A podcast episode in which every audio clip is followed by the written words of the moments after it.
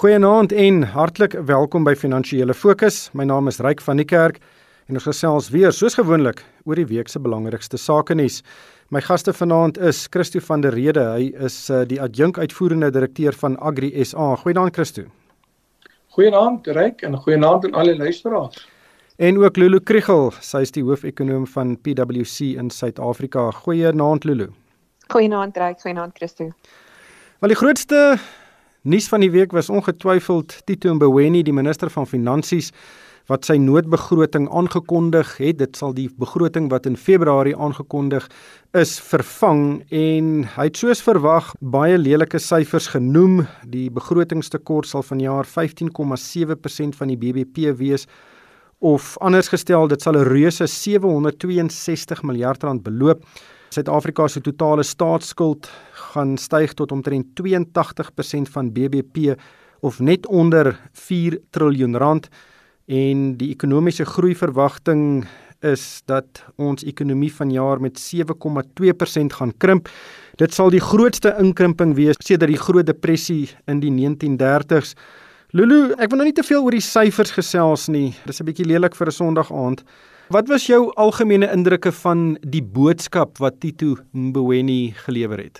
Ek dink die minister het probeer om die feite so skokkend as wat dit is op die tafel te sit en om te sê as ons nie drasties maar baie drasties die paadjie waarop ons is verander nie, stuur ons op 'n ramp af. Maar dis die eerste keer wat ek gesien het tesorie het hierdie tipe van scenario's en en verskillende uitkyke in die begrotingsdokument gesit. Dis nie iets wat hulle tipies doen nie. En hulle het onder andere gesê dat as ons in 'n situasie beland waar ons nie die die pad waarop ons is verander nie, kan staatsskuld uh, totale staatsskuld teen die einde van van 2030 in die omgewing van 150 plus persent van BBP wees. So uh, dit het definitief ten doel gehad om dit baie duidelik te stel dat ons die pad moet verander. Ek dink van die groot veranderings Sommige van dit verwag ons in Oktober en ons weet ook dat die minister gesê het dat dit 'n sogenaamde ehm um, begroting van jy weet van 'n nuwe basis af sal wees in Oktober. So al die ministers sal van vooraf moet beding vir wat hulle moet doen. In terme van hoe die geld rondgeskuif is, min of meer soos wat ek verwag het dit sou gedoen word. Ek het gedink dat byvoorbeeld van die ehm um, oordragte wat tipies gemaak word aan die munisipaliteite om te belê in in projekte wat nie voorbegroot is nie en waarna sekere voorwaardes toegeskryf word en sekere van die investeringsprojekte rondom nuwe kantoorgeboue en so aan. Al daardie goed is is aangepas en verander. Malulu, die Suid-Afrikaanse fiskale posisie het die afgelope paar jaar, 4, 5 jaar al stelselmatig elke jaar verswak. En nou met die koms van COVID-19 het, het eh, hierdie traject net verder geval. Kan ons hierdie skip omdraai? Ryk, dis 'n baie belangrike vraag en as 'n mens kyk na die die geskiedenis, ek meen ons hierdie gesprek kon ons net sowel die begin en dit was die begin van die jaar ook gehad waar ons ook vir mekaar gesê het nog voor COVID-19 dat hierdie nie 'n uh, paadjie is waarop ons kan bly nie. So die vraag is wat het verander en ek is op hierdie stadium nog nie heeltemal seker nie. Ek is nie seker of die minister die ondersteuning het van die res van die van die kabinet wat hy nodig het om hierdie planne deur te voer nie. Ek is nie seker dat die politieke uh politieke wil bestaan om om om, om te ondersteun nie. En tot dit nie daar is nie gaan niks verander nie want uh die minister en en tesourier kan al die planne op die tafel sit en hulle het dit reeds in Februarie al gedoen. En selfs voor dit om te sê ons stuur op 'n ramp af maar as daar nie 'n wil is om dit te implementeer nie en die politieke wil is nie daar nie dan uh dan gaan dit nie help nie. Christo hoe sien jy hierdie prentjie? Kyk dis een ding om te sê ons moet onsself op die soos die minister gesê het uh op die smal pad begin bevind. Uh want die breë weg uh, het ons nou, jy weet, uiteindelik by 'n punt uitgebring waar dit net nie meer ekonomies haalbaar is vir die regering om voort te gaan nie. Maar as mense gaan kyk na hoe hulle die syfers aangepas het in die begrotings van die verskillende departemente, dan vra ek myself af is die regering werklik baie ernstig om ekonomiese groei aan die gang te kry? Want as jy gaan mooi gaan kyk, wie is die wenners van hierdie aangepaste begroting. Dan is dit eh uh, die koöperatiewe regering, met ander munisipaliteite.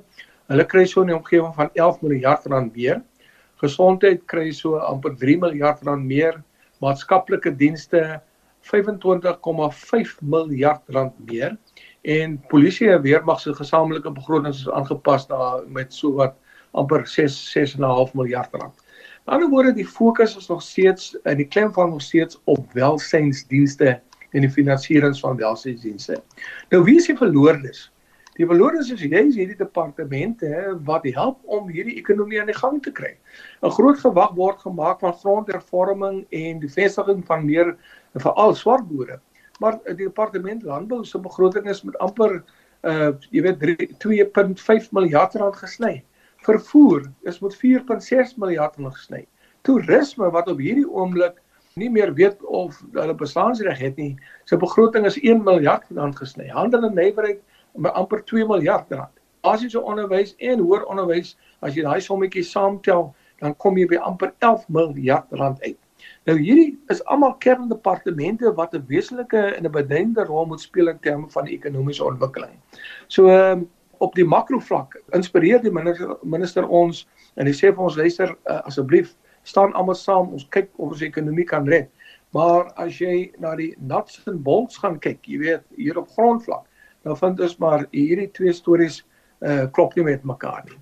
Lulu Christo maak 'n baie interessante punt. Dink jy ons kan iets inlees uh, beleidsgewys in die toekenning van die begroting aan sekere departemente?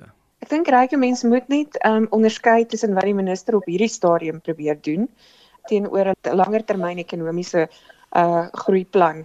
Ek dink op hierdie stadium uh die die verskywing van geld na maatskaplik en gesondheidsorg en so is om die onmiddellike COVID-19 probleme wat ons het aan te spreek. So is om die onmiddellike COVID-19 probleem aan te spreek wat ons het. So ek hoop en ek glo nie dat hierdie verandering van van besteding van van die departemente wat Christo genoem het 'n permanente tendens is nie want baie van dit kan ons nie bekostig nie. Ons kan byvoorbeeld nie bekostig om onderwys oor die lang termyn uh met daardie tipe van bedrae te sny nie. Dieselfde wat landbou en toerisme aanbetref. So ek sien die onmiddellike veranderings in bestedingspatrone as 'n noodsituasie en 'n noodreaksie. Maar wat hy nou binne die volgende paar maande gaan doen in terme van die herbou van die ekonomie en van die begroting en waar die bestedingsfokus gaan wees in Oktober gaan 'n baie definitiewe aanduiding gee van en ek dink ek stem ek stem saam met met uh, met Christo van waar die prioriteite is en op daardie stadium hoop ek nie dit gaan dieselfde wees as wat dit nou is nie. Ek hoop nou is 'n noodsituasie om net die die tydelike uh, krisis wat ons het aan te spreek.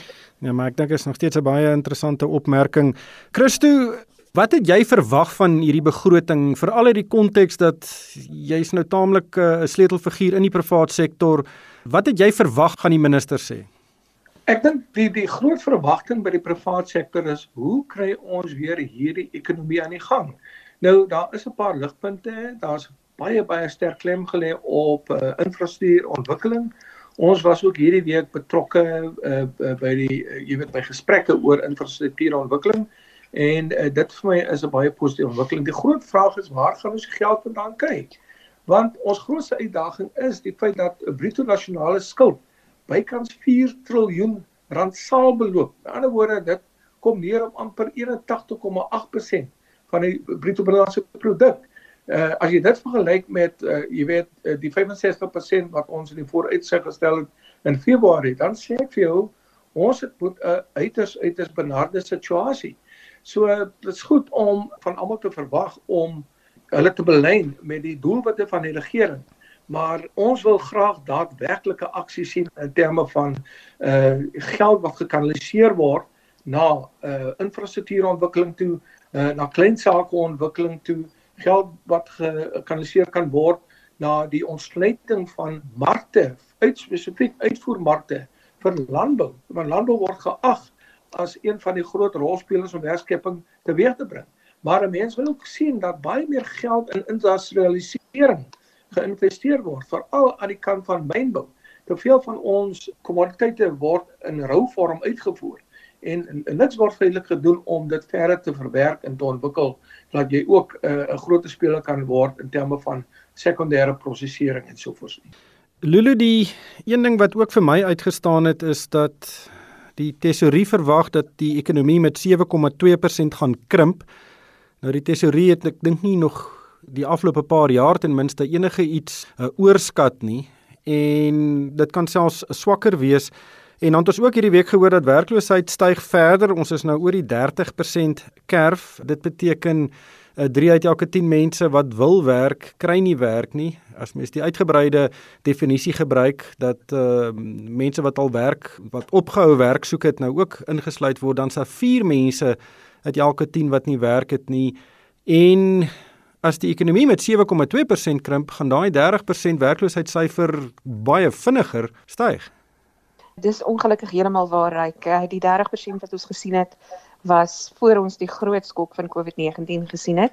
Uh dit was vir die eerste kwartaal hierdie jaar en ons verwagting is dat werkloosheid hierdie jaar reeds tussen 35 en 40% kan kan ehm uh, in daardie omgewing kan eindig uh vanuit die offisiële of die volgens die nouer definisie uh, die breër definisie natuurlik nog nog baie erger en baie meer en dat ons soveel as 1.5 miljoen werksgeleenthede kan verloor. Nou dit is natuurlik gegrond op op PwC se vooruitskattinge. Ons verwag dat die ekonomie met meer as as uh, 7% gaan gaan inkrimp. Ons verwag dat die inkrimping hier in die omgewing van 8.5% kan wees en as dit as dit sleg gaan selfs meer uh na die omgewing van van 11 of 12% toe. Maar uh ja, dit is daar daar was 'n groot skok vir ons in terme van werkloosheid en uh, ons verwagting is ook dat dit tussen 2 en 3 jaar kan vat voordat ons die werksgeleenthede wat ons nou as gevolg van COVID-19 verloor het eers kan terugkry. Uh, wat nog te sê om werklik iets te doen aan die 30% werkloosheid wat ons voor die tyd gehad het. Christo, die landboubedryf word gesien as een van die bedrywe wat baie werk vinnig kan skep en dit was een van die bedrywe wat in die eerste kwartaal werksverliese aangeteken het. Hoe sien julle by Agri SA werkloosheid in veral die landbousektor? Kyk, dit is maar baie siklies van aard. Ek dink ons sien baie goeie reëns hier in die Wes-Kaap in uh die uh sagte vrugtebedryf is 'n uh, en en ook die tafelbedrywe bedryf is groot werkskeppers. So ek voorsien dat uh, hierdie bedrywe as hulle jy weet voluit aan die gang is en daar's hoër produksievlakke dat uh, die werkloosheid uh of die werkskepingssyfer sal toeneem. Ons het ook baie goeie seisoen nou in die sitrusbedryf en die seisoen vir die vir die mieliebedryf lyk ook baie baie positief. So ek dink uh in die tweede kwartaal sal ons 'n baie beter syfer sien, maar ek is baie positief dat die bedryf, die feit dat die bedryf uh, nie stil gestaan het tydens die inperkingssituasie nie, uh, dat ons nie te groot verliese aan in terme van werkskepping sal hê nie. Lulu, daar was daar ook 'n bietjie goeie nuus hierdie week en dit is dat die inflasiekoers tot 3% gedaal het. Dit is die laagste vlak in baie baie jare. Dink jy dit kan help dat ons verdere rentekoersverlaging sien, juis om die ekonomie te help? Ek moet eerlik wees in gesprekke met uh met die Reserwebank een van die dinge wat uitgekom het is dat hulle op hierdie stadium wil ook kyk wat die impak is van die beleidsbesluite wat hulle reeds geneem het en die rentekoersverlagings wat daar reeds aangekondig is. So ek dink daar is moontlikheid vir verdere rentekoersverlagings, maar ek dink nie ons moet nou onmiddellik verwag nie. Ek ek vermoed dat die Reserwebank effens gaan wag om net te kyk hierdie drastiese stappe en die sny wat hulle aangekondig het oor die laaste paar maande, ehm um, wat die impak daarvan was en dan van daar af besluit ehm um, wat wat hulle wil doen. Ons dink moontlik nog een rentekoersverlaging, miskien 'n bietjie later hierdie jaar. Dan Christo laastens, daar is groot dieseltekorte in Suid-Afrika veral in die noordelike provinsies. Hoe ernstig is dit? Reg, dit is redelik ernstig. Ons kry toenemend uh, boodskappe van boere wat by ons pleit dat ons uh, die regering, jy weet tot die tafel toe moet dwing om te kom praat oor die diesel situasie. Wat ons agterkom is daar's grootskaalse diefstal van diesel. Die pypleiding uh, waar daai diesel vanaf Durban na Johannesburg gebring word uh, gesaboteer deur baie goed georganiseerde syndikaate en daarom ons op 'n transit ons hulp aangebied. Ons gesê goed, kom ons kyk hoe ons die boere, jy weet, kan kan gebruik om 'n uh, oogie te hou uh, veral op hulle plase waar daai pyplyn deurloop uh, en dat hulle dan uh, hierdie tipe van misdade uh, onmiddellik rapporteer. Maar ons sit met 'n baie groot krisis. As daai pipeline nie behoorlik beskerm gaan word nie, gaan ons grootskaalse probleme hê vorentoe in terme van dieselvoorsiening nie net aan die landbousektor nie, maar ook aan al die ander industrieë. Dis nie net landbou diesel nie, dit is ook diesel vir uh, motors. Inderdaad, maar ons sit met 'n groter probleem Ons praat hier van die grootskaalse voorsiening van diesel, maar Eskom gaan ook met 'n probleem sit want hulle koop ook diesel op baie groot skaal aan vir hulle uh, kragsentrales en uh, hulle sit ook met 'n uitdaging, jy weet om genoegsame diesel uh, in voorraad te hou vir daai kragnetwerke. Lulu iets waaroor ons nie gesels het tot nou toe nie is oor die mark se reaksie op die noodbegroting en die rand het nie eintlik beweeg nie. Aandelemarkte het ook maar die internasionale tendens nagevolg. Moet ons iets daarin lees? Reg ek dink wat ons die laaste paar weke gesien het is dat internasionale markte met begin oorneem tot 'n baie groot mate wat in ons plaaslike markte gebeur as ons sien die skielike sterkte van die rand ook, ehm um, is baie interessant en uh, as 'n mens eintlik na plaaslike tendense kyk, is daar eintlik nie veel wat dit ondersteun nie. Selfs as 'n mens gaan kyk na na staatseffekte, baie interessante dinge wat besig is om daar te gebeur. So ek dink ons volg maar wat internasionaal besig is om te gebeur. En dis 'n baie interessante tendens dat uh, daarna al amper ek sou sê die laaste 2 jaar as ekonome as ons begin kyk na wat in die mark aan die gebeur is teenoor dit wat in die ekonomie aan die gebeur is, is dit amper asof die twee nie altyd by mekaar uitkom en met mekaar praat nie. So baie vreemde situasie wat dit baie moeilik maak ek dink om om te verstaan wat in die mark besig is om te gebeur. Ja, daar's 'n duidelike ontkoppeling tussen aandelemarkte en ekonomiese vooruitsigte. Ons weet nie waar dit gaan eindig nie, maar dit is 'n uh, eintlik 'n kommerwekkende tendens. Maar ons sal dit daar moet los. Uh, Christo, baie dankie vir jou tyd vanaand. Dit was Christo van der Rede. Hy is die adjunk uitvoerende direkteur van Agri SA en ook Lulu Kriegels, hy is die hoofekonoom by PwC in Suid-Afrika. En daarmee moet ons groet van my ryk van die kerk. Baie dankie vir die saamluister en ek hoop almal het 'n winsgewende week.